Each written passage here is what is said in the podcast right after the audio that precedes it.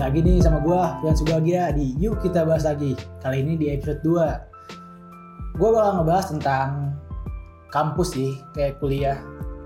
Kayak apa sih kita dapat dari kuliah dan ternyata kuliah itu penting loh.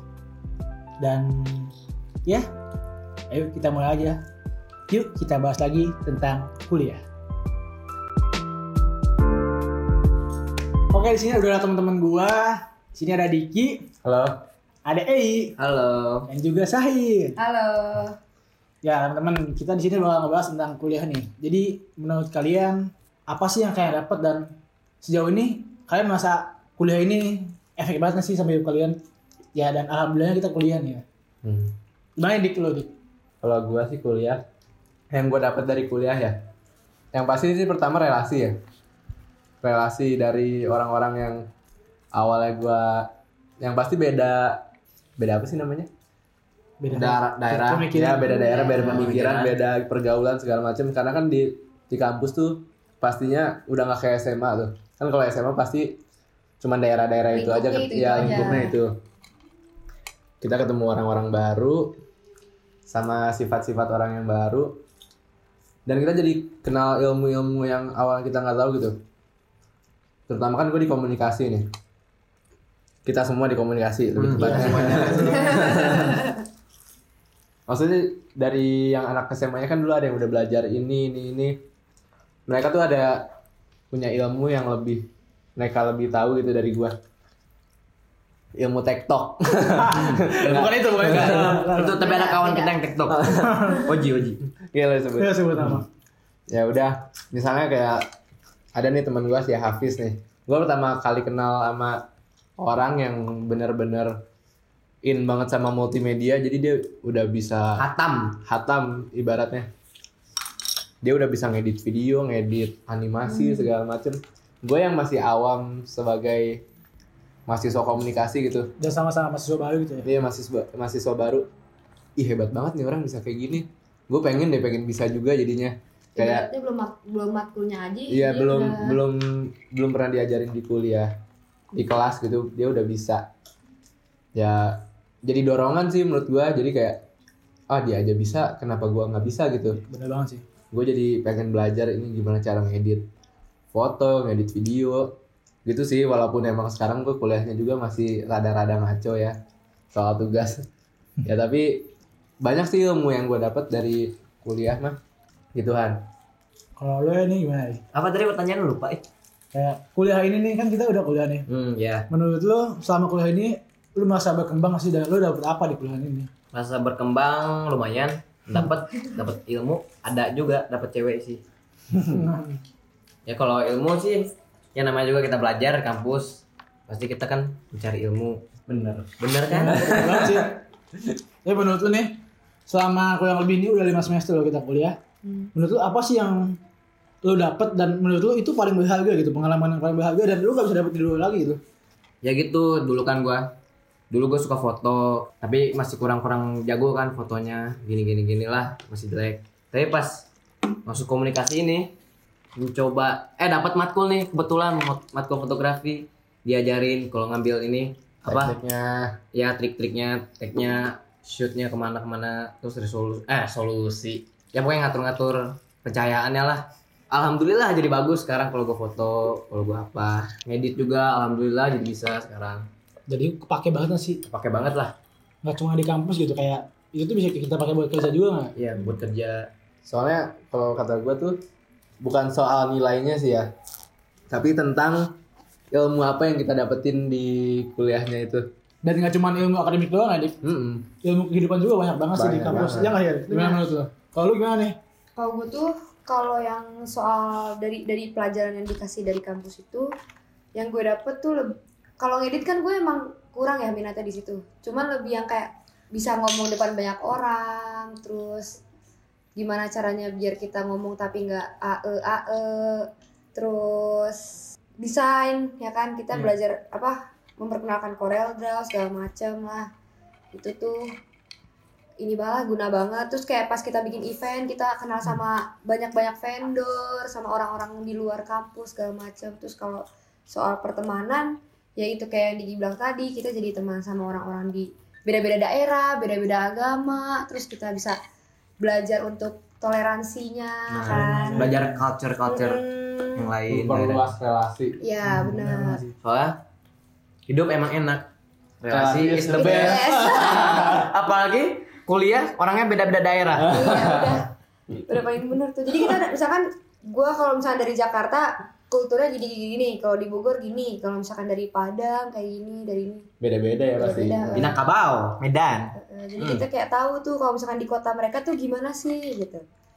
Terus kalau misalkan banyak banyak teman-teman di luar daerah kan misalkan kita mau pergi-pergi Iya, iya. bisa ada bantuan lah di sana gitu Iya, setuju, ibaratnya setuju. Heeh, kayak di tour guide-in lah segala macem Kalau lu sendiri gimana nih? Hmm, lu sendiri Hmm, gimana? nah lu sendiri nih Nah. yang nanya kita dari tadi Ya kalau gue sendiri sih yang gue pengalamin ya, gue setuju sama saya yang kayak event gitu, Hmm. sama Diki juga tentang teman-teman. Dan salah satu juga yang yang bilang si Diki tadi tuh yang jauh ngedit teman kita. Iya. Dan gue juga di situ kayak mulai terpacu gitu. Ketika gue di kenal, bidang edit itu iya. Dan gue juga kebetulan emang suka dari dulu. Tapi lingkungan gue dulu nggak mendukung gitu. Gue suka foto, gue suka video, Hmm. gue suka ngedit-ngedit. Tapi cuma sebatas pencet-pencet Iya, iya. atau seadanya karena gue nggak tahu dan teman dan teman-teman gue di situ pun nggak mendukung untuk itu loh. Mereka juga nggak tahu gitu. Ya, ya udah gitu-gitu aja. Iya dan gitu-gitu aja dan ketika masuk kuliah, gue pertama ngeliatin habis nih bawa kamera kan, kayak saya nih. Dia video cuma tek tek tek bentar-bentar doang kayak dua detik dah. Hmm. Geser, geser kamera, geser kamera. Pas udah jadinya bos. video maba bos yang nggak tahu nih. Cari YouTube namanya maba. YouTube-nya Raffi Sapril. kalau enggak buka Instagram Ferry underscore Palar ada videonya Nah, iya, ya benar. Nah, itu tuh mulai dari situ teman kita ini kayak udah memotivasi gue gitu kayak ini orang bisa gitu. Gue nggak ada serius sekali sama sekali. Itu malah ngebuat gue kayak kepikir kayak ini gue bener nih masuk sini nih. Membuat gue motivasi dan ketika gue kenal banyak orang lain ternyata teman-teman kita tuh pola pikirnya lebih hebat gitu. Hmm. Ingat banget pertama kali bikin event namanya Facebook Iya. dan itu dibagi kelompok-kelompok kecil Iya, iya. Iya. dan di situ ada ketua ada ketua gue Joe itu salut banget dan dia punya pikiran yang gue sendiri gak kepikiran gitu dan gue mikir kayak ini orang udah ngapain aja ya kok sampai punya pikiran itu dan dari situ gue ketemu banyak lagi orang dan mereka tuh keren-keren dalam pola pikir punya inovasi dalam menghadapi masalah tuh ada aja gitu kayak wow ini orang apa nih pengalamannya padahal kita tuh seumuran gitu Iya. tapi mereka punya pola pikir yang lebih dari kita gitu kan Mm-mm. dan ingat banget pengalaman menurut gue pengalaman paling baik gue selama kuliah di sini itu IO sih. Setuju. Ya, ini kelompok gue Sahir. Iya, setuju. Hmm. IO gue tuh ya paling Jelasin di dulu dong IO itu apa? Event organizer. organizer. event organizer. Jadi sekolah vokasi IPB memiliki Gak usah Ya, ya, usah jelasin Ya, ya. pokoknya pokoknya jadi ada mata Ma- kuliah. ma- mata kuliah kita ada event organizer. Jadi setiap kelas harus bikin event Event. masing-masing. Nah, tugas akhirnya tuh event gitu. Ya. Buat nilai lah. Dan itu eventnya tuh di Acak dan kebetulan kelas gue kebagian di pertanian. Iya. Dan itu di situ kita angkat kopi temanya karena kopi itu lagi mulai happening gak sih? Lagi in banget tuh pas Lagi itu in lagi banget. indie-indie gitu kan. Ya Terus dan kita tuh udah ngancam ya acaranya tuh kayak sedemikian rupa dan Hmm. seru banget. ya Sampai akhirnya dananya keluar berapa? 200 sekian ya. 200 200 juta. sekian. 200 juta. Lu bayangin tuh kita sebagai Mahasiswa. orang yang ma- mahasiswa yang nggak pernah Ngapa- ngejalanin event sama sekali. tiba-tiba bisa bikin ngacang event dan harganya tuh nyampe 200 juta gitu. Terus kita cari duit sendiri ya Nah, kan. dan kita dituntut untuk gimana caranya dan kita nyari uang sendiri gitu. Mm-mm. Nggak ada bantuan nggak ada dana dari kampus atau gimana, kita nyari sponsor keluar. Nah, dan pada saat itu dosen kita juga mendukung dan dosen kita membuat kayak beranggapan bahwa ide kita tuh bagus emang. Iya. Dia mendukung banget. Nah, akhirnya ada beberapa masalah, kita nurunin standar kita dan harganya nyampe kecil lah 10 apa 7 juta, 7 juta aja nih. 7 ya. 7 juta dan tapi itu nggak seru banget gitu kayak kurang menarik dan kita ketemu sama bank salah satu bank untuk minta sponsor kita jelasin di sana apa aja yang kita butuh apa acara yang kita mau buat dan mereka bilang pahit banget sih mereka bilang gini kayak dengan uang segitu kita bisa bikin acara lebih gede daripada acara kalian dan di situ gue udah mikir nih kayak wah nggak bisa nih Iya. acara ini Terus kita kayak langsung terpacu ya bikin Iya, konsep sepatu, baru. konsep baru. Benar-benar kita ganti semuanya dan balik lagi anggaran sekitar 200 juta. Mm-mm. Akhirnya kita diajak kolaborasi dengan sebuah Sama perusahaan. Oh, bukan. Bukan, beda perusahaan. perusahaan. Kita nggak usah sebut nama perusahaannya apa. Dia itu bilang dia punya sponsor tunggal. Dan kita ngancang bareng-bareng nih konsepnya. Sponsor tunggal tuh yang bakal ngebiayain seluruh acara. Nah, Hmm. betul. Jadi kita nggak usah pusing-pusing nyari usah yang lain pusing-pusing deh, nyari gitu. yang lain, nggak usah nggak usah nyari dana lagi, udah Hmm. tercover semuanya. Kita tinggal nyari gimana cara nyari cara gimana nih acara rame. Nah, jalanin ngekonsepin Iya, sama nyari tinggal vendor segala Iya. macam gitu Iya. gitulah gitu. Pokoknya siap ngeluarin dana apa yang lu butuh gitu. Nah, seperti itu. Kita rancang bareng-bareng dan hasilnya itu sampai tembus 400 juta. Kita jalan, kita jalan dan dia minta nyuruh kita nyari untuk goodie bag atau isi goodie bag gitu. Benar. untuk bagi ke peserta atau orang-orang yang datang ke acara kita. Kita cari, akhirnya kita dapat dana juga. Dana itu uang dan sampai Yang berbentuk uang. berbentuk uang ya. Dana itu uang, iya kan benar. Iya, iya, Dana itu iya. uang. Dana aplikasi bang. Enggak, enggak, bukan lanjut lanjut. Nah, dari situ jalan terus sampai akhirnya H min 15 hari menuju acara. Anggaplah dua minggu lah. Dua minggu lagi ya, dua minggu lagi. Dan di situ tiba-tiba Si perusahaan tersebut perusahaan tersebut memutuskan secara sepihak ya, jadi dengan kayak alasan acara secara sepihak. ya dengan alasan dia bilang sponsor utamanya itu udah tutup buku karena itu udah menjelang Akhir akhir bulan. Desember Tahun, akhir ya. tahun dan kita kayak ya kita nggak bisa ngapa-ngapain Iya. dan dia meminta untuk memundur sampai Januari dan padahal ini adalah tugas project Eh, project Kampus gitu, eh, pembelajaran. Oh, terus deadline-nya itu pokoknya bulan Desember apa? Desember itu udah terakhir harus banget udah, harus udah udah ada beres LPJ segala macam gitu, Iya. gitu. dari situ semua pada Sedih. pada sedih ada yang nangis ini orang Sahil nangis banget sih Karena bener-bener pusing banget ya Iya pusing itu. banget tapi di situ kayak kita masih mikir kita punya dana yang udah kita dapet dan kita gimana caranya dana ini muat untuk jalanin acara kita Muter otak lah kita. muter otak lah dan di situ Pusing enggak? pusing, Pusing, banget sih pusing banget tuh di situ. di situ bareng-bareng kita cari jalan keluar ya masalah ini dan akhirnya alhamdulillah banget banyak orang yang bantuin Benar. Alhamdulillah surplus. ada jalan surplus dikit ya Ya, yang penting surplus kan yang nama event kan kalau udah surplus berarti dia berhasil. Kalau defisit Iya. itu event gagal gitu. Mau sebagus apa pun event kalau misalkan dia defisit ya itu nggak berhasil gitu. Hmm. Itu Begitu. dia. Tapi tergantung tujuan event utamanya itu sih. hmm. Kalau misalnya emang event eventnya mau ngadain kayak sosial distancing. Charity. Iya, so- pokoknya bentuk sosial gitu. Mungkin dia ngasih ilmu atau apa. Yang penting kan ilmunya yang Ah. dapat ke masyarakatnya, Hmm. bukan keuntungan pribadi. Cuman kalau kita ini kan eventnya eventnya kopi dinilai dari surplus Iya. sama enggaknya tuh kemarin. Hmm, kemarin tuh. Untuk tolak ukurnya lah. Ya, gitu. tuh aku Karena kan ini juga mata kuliah gitu ya. Iya. Jadi pasti dosen punya target untuk kita gitu, ngasih target buat kita. dan akhirnya kita akhirnya kita banyak bantuan akhirnya Hmm. bantuan dari segala macam orang dan dan kalangan gitu sampai akhirnya kita bikin acara nih dan alhamdulillah rame banget Iya, alhamdulillah. yang ikut lombanya rame Eh, banget Kita bikin dua acara ya Han ya. iya Acaranya ada di Acaranya di acara yang pertama itu lomba aeropress ya ya Aeropress. Aeropress di BTM. BTM Terus Oh, acara yang soft yang soft yang, opening eh, tuh soft- eh, acara apa sih pre pre event ya? Pre- Nah, event Pre-event. nah, awalnya itu tuh itu event utama kita Eh, tapi kita diminta untuk bantuin event yang lebih besar ya Jadi kita kerjasama sama. Fakultas Pertanian Iya. Institut Pertanian Bogor nah, gitu. Dia bikin acara juga di Di Stadion Pekansari. Pakansari Oh, gitu. Pakansari. Hmm. dan akhirnya event kita tuh yang kita bikin pakai uang kita sendiri yang dapat dari sp- sponsor itu kita jadiin pra event untuk event di sana Iya. dan Hmm. Itu salah satu teknik marketing juga tuh biar Eventnya, event yang besarnya lebih banyak orang lagi yang datang gitu. istilahnya branding Iya, eventnya. branding. Iya, benar. event.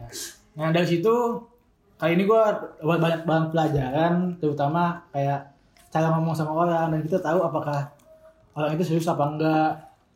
Ada lagi juga kayak banyak sih cari sponsor, berani ngomong sama orang yang nggak dikenal dan benar-benar kita ngomong sama kayak pemilik perusahaan Iya.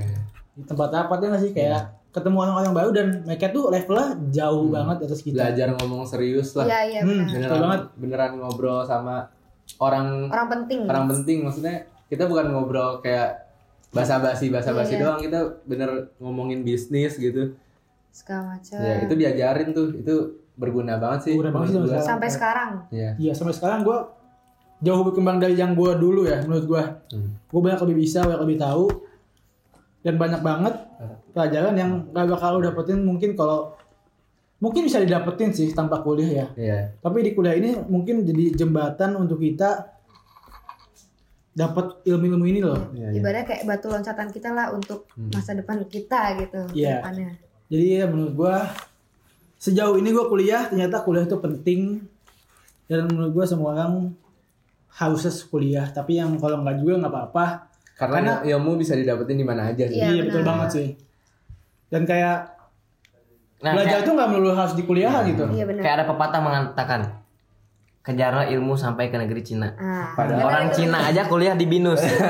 benar nggak Bercanda mulu. canda mulu maaf bang ini ya maaf tapi ya kayak kayak gitulah kayak kita nggak harus kalau mau belajar nggak harus di kampus gitu Hmm. karena di kampus juga Otodidak juga bisa. karena di kampus juga kita nggak cuma dapat pelajaran dari apa sih Dari dosen. Jadi ya dan kayak akademi lah. Nggak cuma akademi yang kita kejar, tapi yang lainnya juga ilmu hidup kehidupannya sih ya, prakteknya paling penting. ilmu kehidupan. Karena ya waktu kita event itu tuh sebenarnya pengalamannya berguna juga nih buat kita kerja nanti kan. Iya, kayak pengalaman Relate aja sih sebenarnya. Apa yang kita udah bekal ya buat benar. nanti. Iya buat nanti bener banget sih. Kalau ditanya lu pernah apa? Bikin event, Mbak. Iya, Ih, kan banget di, ya Allah. cer- jadi kan setidaknya di. CV kita kan pengalaman ada tuh. Iya, pengalaman dan Bikin itu acara. jujur kayak pengalaman yang mungkin gue kayak nggak dapat lagi deh. Belum tentu dapat lagi nggak sih? Iya. Ya mungkin dari EI ada tambahan. Ya cukup. Kasih pepatah lu. Patahnya Patah, EI. patah. Udah, udah, udah. Quote ya. of the day. Ya intinya yang masih malas-malas kuliah, Nah, kuliah lah. jangan dah mas-mas kuliah dah. Iya. Cari ilmu masa depan masih Karena panjang. berguna banget kok kuliah tuh. Nggak Ya. cuman mata kuliah aja soalnya kita dapat ilmunya. Ya. Dan yang buat kalian masih berpikiran untuk kayak ngapain sih kuliah atau males kuliah, Hmm. selagi kalian mampu, selagi masih ada orang tua dan orang tua kalian untuk menyuruh kalian, kuliah itu ya benar-benar lah maksudnya. Manfaatkan den- dengan baik. Nah, itu. Iya, manfaatkan dengan baik waktu kalian karena mungkin hidup itu nggak lama ya. Kita nggak kita ada yang tahu hidup itu sampai kapan kan? Tanda-tanda akhir tahun udah ada soalnya. Ya Allah. Iya Allah. Ini sih kebanyakan nongkrong ya Allah. ya itu aja sih. Ayo. Apa Ya, ya. apa sih ngomong breaking. tadi? Hari ini Ya udah. Ya, Semoga podcast kita hari ini episode ini bisa Episode kedua. bermanfaat buat kalian semua. Terima kasih semuanya. Sampai jumpa di episode berikutnya di Yuk Kita Bahas Lagi Podcast. Dadah. Saya Firhan Diki A. Sahil pamit undur diri. Assalamualaikum warahmatullahi wabarakatuh. Dadah.